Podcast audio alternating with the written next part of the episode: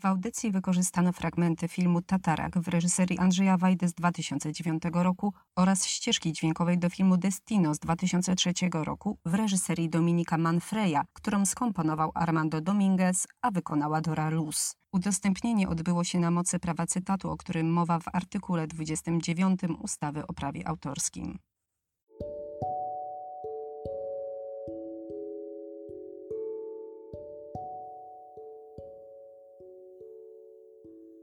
Wow, jaki fajny temat, taki inny, lajtowy, taki, wiecie, w którym można zaszaleć. Mniej więcej tak zareagowałam na wiadomość od Gabrieli Kiełczewskiej-Słowikowskiej, słuchaczki, która napisała do mnie na mój facebookowy fanpage dawno temu w sztuce i którą z tego miejsca serdecznie pozdrawiam. Otóż Gabrysia poprosiła mnie, żebym poleciła Wam w tym podcaście kilka moich ulubionych malarskich filmów. No i kiedy początkowa euforia minęła, zaczął się kłopot. Filmy o malarstwie, które musisz zobaczyć. Zaprasza Agnieszka Kijas. Filmów o malarstwie powstało całkiem sporo. Owszem, jedne są lepsze, inne gorsze, jedne są tak mi prywatnie, osobiście bardziej bliskie, a inne mniej. Ale i tak ciężko zmieścić się i to jeszcze w jednej audycji i ograniczyć do tych najlepszych. Ponadto niektóre filmy opowiadają o życiu malarza od A do Z, inne koncentrują się na jakimś wycinku z biografii, a jeszcze inne związane są na przykład tylko z konkretnym obrazem. Mamy też cały przekrój gatunków: komedia, dramat, kryminał, dokument, etiuda, ba. Czasami reżyser może tylko zainspirować się wielkim mistrzem pędzla i stworzyć film, który będzie scenograficznie wyglądał jak taki żywy obraz. I kiedy zaczęłam to wszystko analizować, to powstała mi taka całkiem pokaźna lista na kilka stron, i tak co chwilę podchodziłam i dopisywałam nowy tytuł. Dlatego postanowiłam ugryźć sprawę nieco inaczej. Postanowiłam, że zrobię serię i to, co teraz słuchacie, to jest pierwszy odcinek z takiej malarsko-filmowej serii, w której raz na jakiś czas, i wybaczcie, ale jeszcze nie wiem z jaką częstotliwością, będę wracała do tematu filmów związanych z malarzami i obrazami. Natomiast na dziś przygotowałam taki zestaw filmów, które polecam, bo one są ok, choć nie ukrywam, że nie każdemu mogą przypaść do gustu. Ale myślę, że warto tę całą listę oglądnąć, choćby po to, by wyrobić sobie własne zdanie. A zacznę tak.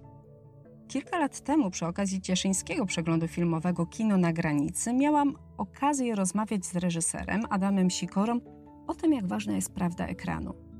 Uważał on, że w filmie, który opowiada historie pisane przez życie, nie można zaszaleć. W szaleństwie fakty łatwo przekłamać, szczegóły pominąć. I wówczas zamiast rzetelnej opowieści otrzymujemy ledwie wydmuszkę.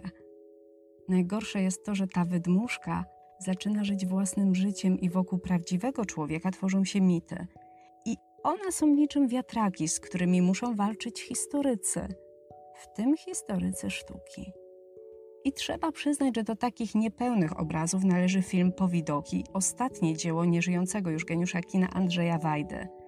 Reżyser pokazuje w nim postać charyzmatycznego malarza Władysława Strzemińskiego, który to wyznaje zasadę, że w sztuce jak w miłości można dać z siebie tylko tyle, ile się da.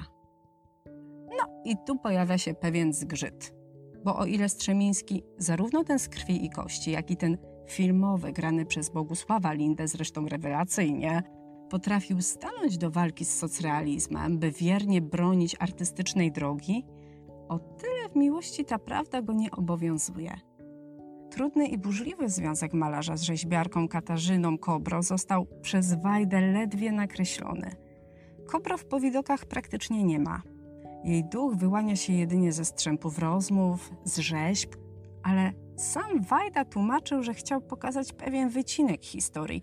I ja mówię, okej, okay, mistrzu, jasne, ja to rozumiem, ty do tego masz pełne prawo jako twórca. No, tylko że tak, z jednej strony niby wszystko się zgadza, niemniej jednak brak żony nie tylko zaburza odbiór, ale i wybiela malarza. Czyżby fakt, że Strzemiński, malarz kaleka, w napadach szału okładał kulami żonę okazał się zbyt niewygodny? Hmm? Czy w takim razie warto oglądać ten film? Tak, jasne, że tak. Zwłaszcza, że Linda w tej roli, no to po prostu wspina się na wyżyny. Ale powidoki powinien oglądać widz świadomy. Taki, który choć trochę zna Strzemińskiego i to z każdej strony, tej białej i tej czarnej. Obawiam się, że jeśli ktoś tak zupełnie z marszu zasiądzie do seansu, no załóżmy, że całkowicie przypadkiem trafi na ten film, to po prostu zostanie wprowadzony w błąd i w jakimś sensie oszukany. Wiem, że to można tłumaczyć i to na wiele sposobów, na przykład tym, że studenci Strzemińskiego nie wiedzieli, jak on traktował swoją żonę, no i właśnie oni odbierali go prawdopodobnie w taki sam sposób, w jaki pokazuje go nam reżyser. Tylko, że dla mnie to jest trochę za słabe tłumaczenie, bo pytam, po co to, panie Wajda? No, po co to panu było?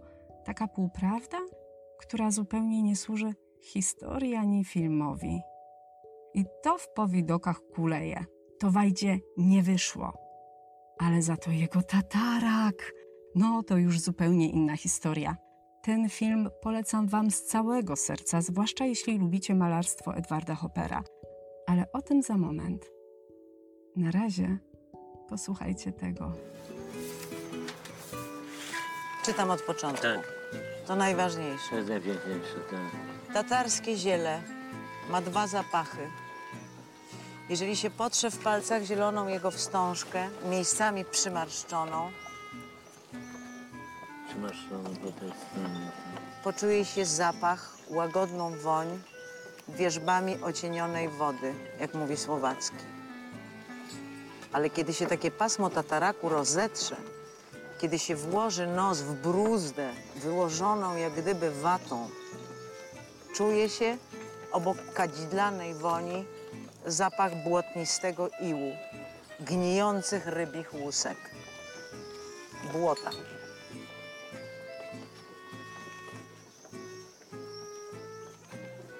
aromat śmierci. Zapach ten na początku mojego życia skojarzył się z obrazem gwałtownej śmierci.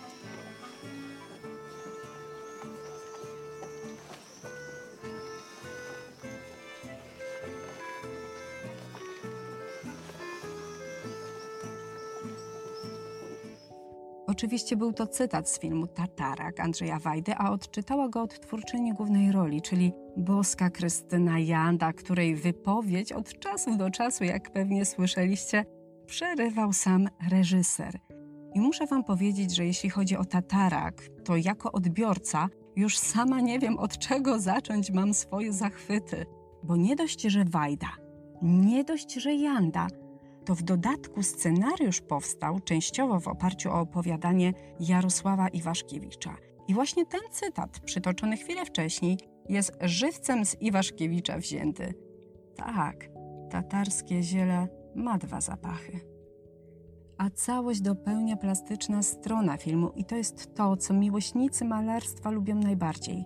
Bo co prawda Tatarak nie jest typowym filmem o malarstwie, czyli nie zobaczycie tutaj biografii malarza, ale film ma jakby dwie linie fabularne. Pierwsza opiera się na Iwaszkiewiczu, a druga to bardzo intymne sceny wręcz zwierzenia, w których aktorka Krystyna Janda opowiada o chorobie i śmierci swojego męża. Te ujęcia kręcone są w minimalistycznym pokoju, jakby pokoju hotelowym, pozbawionym osobistych rzeczy, takich drobiazgów, takich bibelotów, które nadają pomieszczeniu indywidualny charakter. I ten pokój taki surowy, chłodny, minimalistyczny pokój stylizowany jest na obrazach Edwarda Hoppera. Janda zresztą bardzo często stoi lub siedzi w pozycjach, jakie przybierają bohaterki tego malarza. I muszę przyznać, że doskonale się na to patrzy. Ale nie tylko Wajda sięgał po płótna Hoppera. I ciekawe, czy się zorientujecie, o kim mówię i o jakim filmie opowiadam –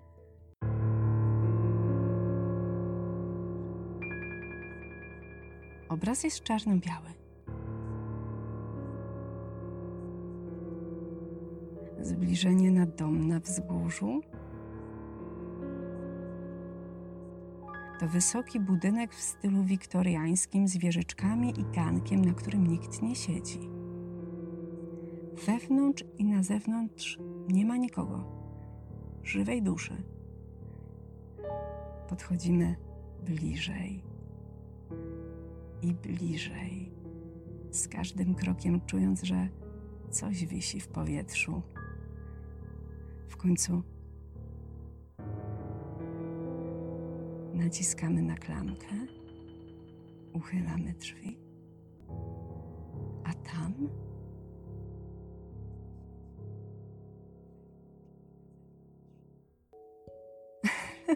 Myślę, że ta scena jest znana większości z Was, a z pewnością fanom kina grozy, bo wyreżyserował ją sam mistrz suspensu Alfred Hitchcock. I Hitchcock wiedział doskonale, jak przestraszyć widza. Tę niepokojącą atmosferę psychozy, bo o tym filmie Wam opowiedziałam przed chwilą, Alfie zaczerpnął właśnie z Hopera. I choć raz przyznawał, że wzorował swój samotny dom na obrazie Dom przy torach Edwarda Hoppera, innym razem stanowczo temu zaprzeczał, to faktem jest, że w jego filmach roi się od hopperowskich cytatów. Dajmy na to okno na podwórze. Kamienica, w której mieszka główny bohater, do złudzenia przypomina tę hopperowską. No I możesz sobie zaprzeczać, Alfie, ile ci się podoba. My i tak doskonale poznajemy ten dom, te kamienice, te obrazy. Ale inni mistrzowie kina również sięgali po płótna Edwarda. To jest chyba taki bardzo plastyczno-filmowy malarz. On się nadaje po prostu do tego, żeby go zaadaptować na film. I z takich hollywoodzkich inspiracji warto wymienić melodramat, co się wydarzyło w Madison Country Clint'a Eastwooda. Tu nawiązania widać zwłaszcza w pejzażu, a więc pola, budynek i co ciekawe, tutaj taki mały smaczek dla malarskich frików, w salonie głównej bohaterki wisi reprodukcja Hoppera. Na uwagę zasługuje też niszowa produkcja Shirley Wizje Rzeczywistości. Ale ten film nie spodoba się każdemu. To taki dość specyficzny gatunek slow cinema, który ma swoich zwolenników, ale jest też dość spora grupa osób, które tego nie kupują. To takie kino, które nakazuje nam odpocząć, wrzucić na luz. Tu wszystko dzieje się wolno, dla niektórych zbyt wolno, ale to jest celowe, tak ma być. Natomiast każdy, kto kocha plastykę filmu, zakocha się w Shirley od pierwszego wejrzenia, od pierwszej sceny. Tym razem reżyser nie robi scenografii a la Hopper, tak jak zrobił to Hitchcock czy Wajda. On ożywia jego obrazy na naszych oczach. Po prostu wchodzimy do kilkunastu znanych dzieł artysty. A naszą przewodniczką jest Shirley, taka amerykańska every girl, która wciela się we wszystkie kobiece role. I w takim samym powolnym klimacie slow cinema utrzymany jest inny film. W dodatku każdy z Was może go sobie oglądnąć na YouTubie, bo jest tam dostępny w całości. To Empire. I teraz uwaga.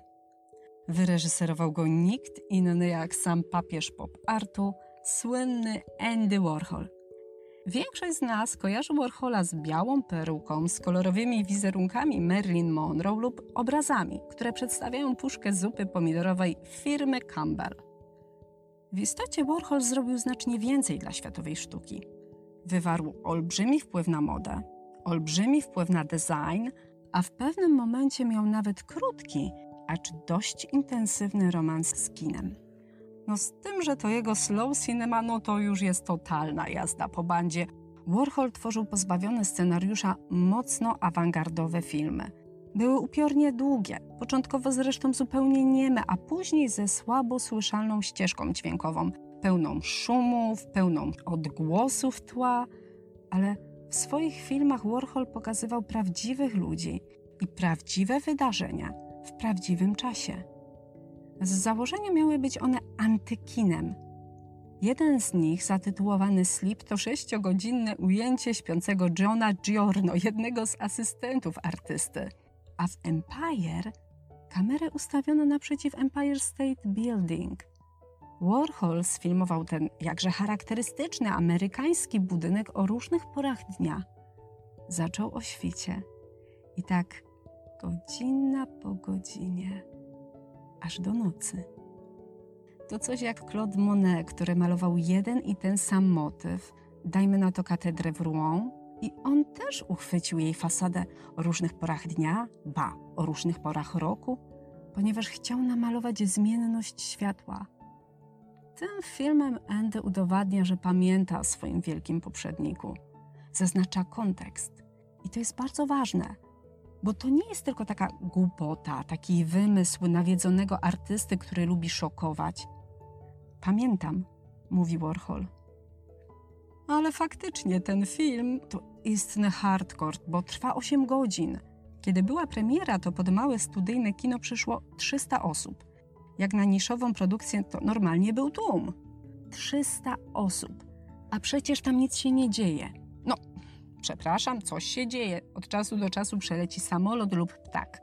Ktoś zgasi światło. Do końca seansu wytrwała ledwie garstka. Najwierniejsi wyznawcy Warhola, jego przyjaciele, znajomi, a wśród nich postać tragiczna Edie Cedric. Ale ten wątek, poniekąd również filmowy, nawet powiedziałabym mocno filmowy, omówię osobno, bo Edie to się po prostu należy. Kino Warhola to zupełnie inne kino. On robił coś takiego, co się nazywało screen testy. Każdego, kto przyszedł do jego fabryki, bo tak nazywał swoją wyjątkową pracownię fabryką, sadzał na krzesełku przed kamerą, która celowała prosto w siedzącego przez trzy minuty. Byli w tym pokoju sami. Kamera i osoba filmowana. I tak przez trzy minuty. Przed tą kamerą usiadł chociażby Mick Jagger, usiadła Yoko Ono, John Lennon, Bob Dylan, a także Salvador Dali. A skoro o nim mowa, to wyobraźcie sobie coś takiego. Na pierwszym planie pustynia, w tle zarys gór. Pasmo z prawej strony wyraźnie odzwierciedla to z lewej. Ujęcie jest nieruchome, doświetlone z góry. Snop padający z reflektora kieruje nasz wzrok na sam środek piaszczystej sceny. I już nie wiemy, czy jesteśmy na pustyni, czy może raczej w teatrze i zasiadamy na widowni. Za chwilę rozpocznie się spektakl. Za chwilę z pomiędzy gór wyłoni się naga tancerka o kruczoczarnych włosach i gracji, jakiej nie powstydziłyby się księżniczki, znane z disneyowskich animacji.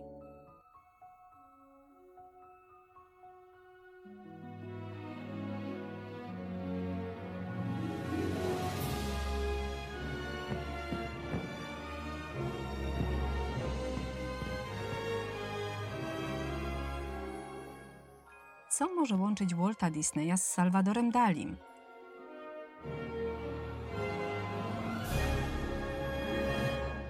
Dla wielu to dość zaskakujący mariaż, a jednak.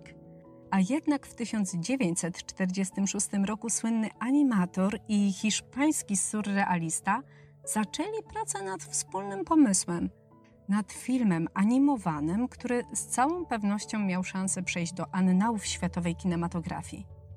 Historia potoczyła się jednak nieco innym torem. Co prawda Dali dostał zielone światło i przez 8 miesięcy dopieszczał wizję filmu razem z Johnem Henchem, pracownikiem wytwórni Disneya. I opracowali nawet storyboard, czyli taki ilustrowany opis scen, który nawiasem mówiąc do złudzenia przypominał komiks. Na jego podstawie zrealizowano krótką, pokazową animację. To była taka migawka, ledwie 18 sekund. Ta etiuda miała przekonać Walta, że warto uruchomić produkcję i wyłożyć pieniądze na realizację. Niestety, to były ciężkie czasy. Druga wojna światowa znacząco wpłynęła na kondycję finansową wytwórni, która znacznie się pogorszyła. W efekcie prace nad projektem zostały zawieszone. Destino, bowiem pod taką nazwą funkcjonował film, odłożono na półkę. Pół wieku później tytułowe przeznaczenie postanowiło o sobie przypomnieć. Musiało minąć aż 58 lat, by dzieło dwóch twórczych gigantów popkultury ujrzało światło dzienne. Pomysł Dalego i Disneya dokończył Dominic Manfrey, bratanek Walta. Dominik natrafił na Destino przypadkiem, był wówczas w trakcie realizacji Fantazji 2000 i grzebiąc w archiwach wpadł mu w ręce oryginalny storyboard – już wtedy w jego głowie zrodził się plan, by zrealizować cały film. I jak pomyślał, tak zrobił. Produkcję powierzono paryskiemu oddziałowi studia animacji Disneya i rysownicy opierali się na starej szkole. W większości pracowali ręcznie, tradycyjnymi metodami. do minimum ograniczyli komputerowe generowanie obrazu. Co ciekawe, ten oryginalny 18-sekundowy fragment pokazowej animacji, jaką Dali zaprezentował Waltowi, został włączony do filmu. Sekwencja ta przedstawia dwa żółwie, które kroczą ku sobie. No i oczywiście są to takie żółwie, które Dali wcześniej bardzo mocno przepuścił przez swój surrealistyczny filtr.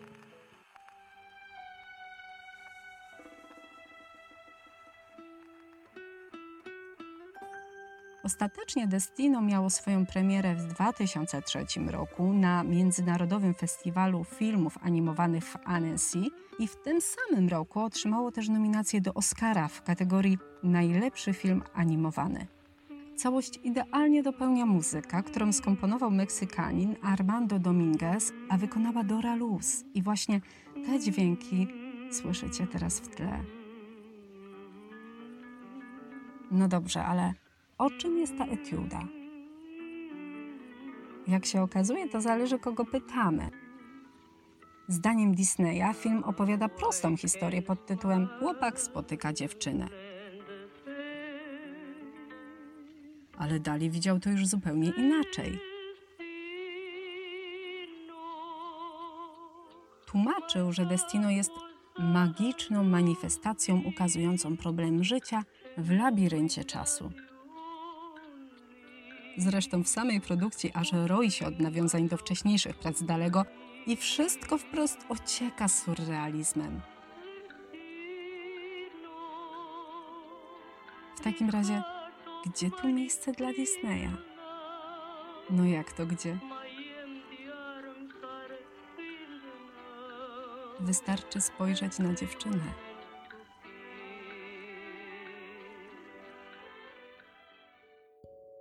I tym bajkowym akcentem zakończę pierwszą filmowo-malarską audycję, jaka powstała na życzenie Gabrieli Kiełczewskiej-Słowikowskiej. Do tematu będziemy wracać. Muszę to sobie jakoś poukładać, bo jak widzicie, sprawa jest świeża, acz rozwojowa. Natomiast za tydzień opowiem Wam nieco więcej o nocnych markach, czyli o obrazie Nighthawks, który namalował Edward Hopper. O tym malarzu dzisiaj było dosyć sporo, więc myślę, że to będzie taka naturalna kontynuacja tej historii. A ten temat zgłosił Robert Kania. A jeżeli Ty również chcesz, bym opowiedziała w podcaście o Twoim ulubionym obrazie, o Twoim ulubionym malarzu, to wejdź na mój facebookowy fanpage dawno temu w sztuce i napisz do mnie. A na finał zagra nam Hania Derej, młoda kompozytorka z Tychów. Kto wie, być może kiedyś stworzy ścieżkę dźwiękową do jakiegoś malarskiego filmu. Do usłyszenia.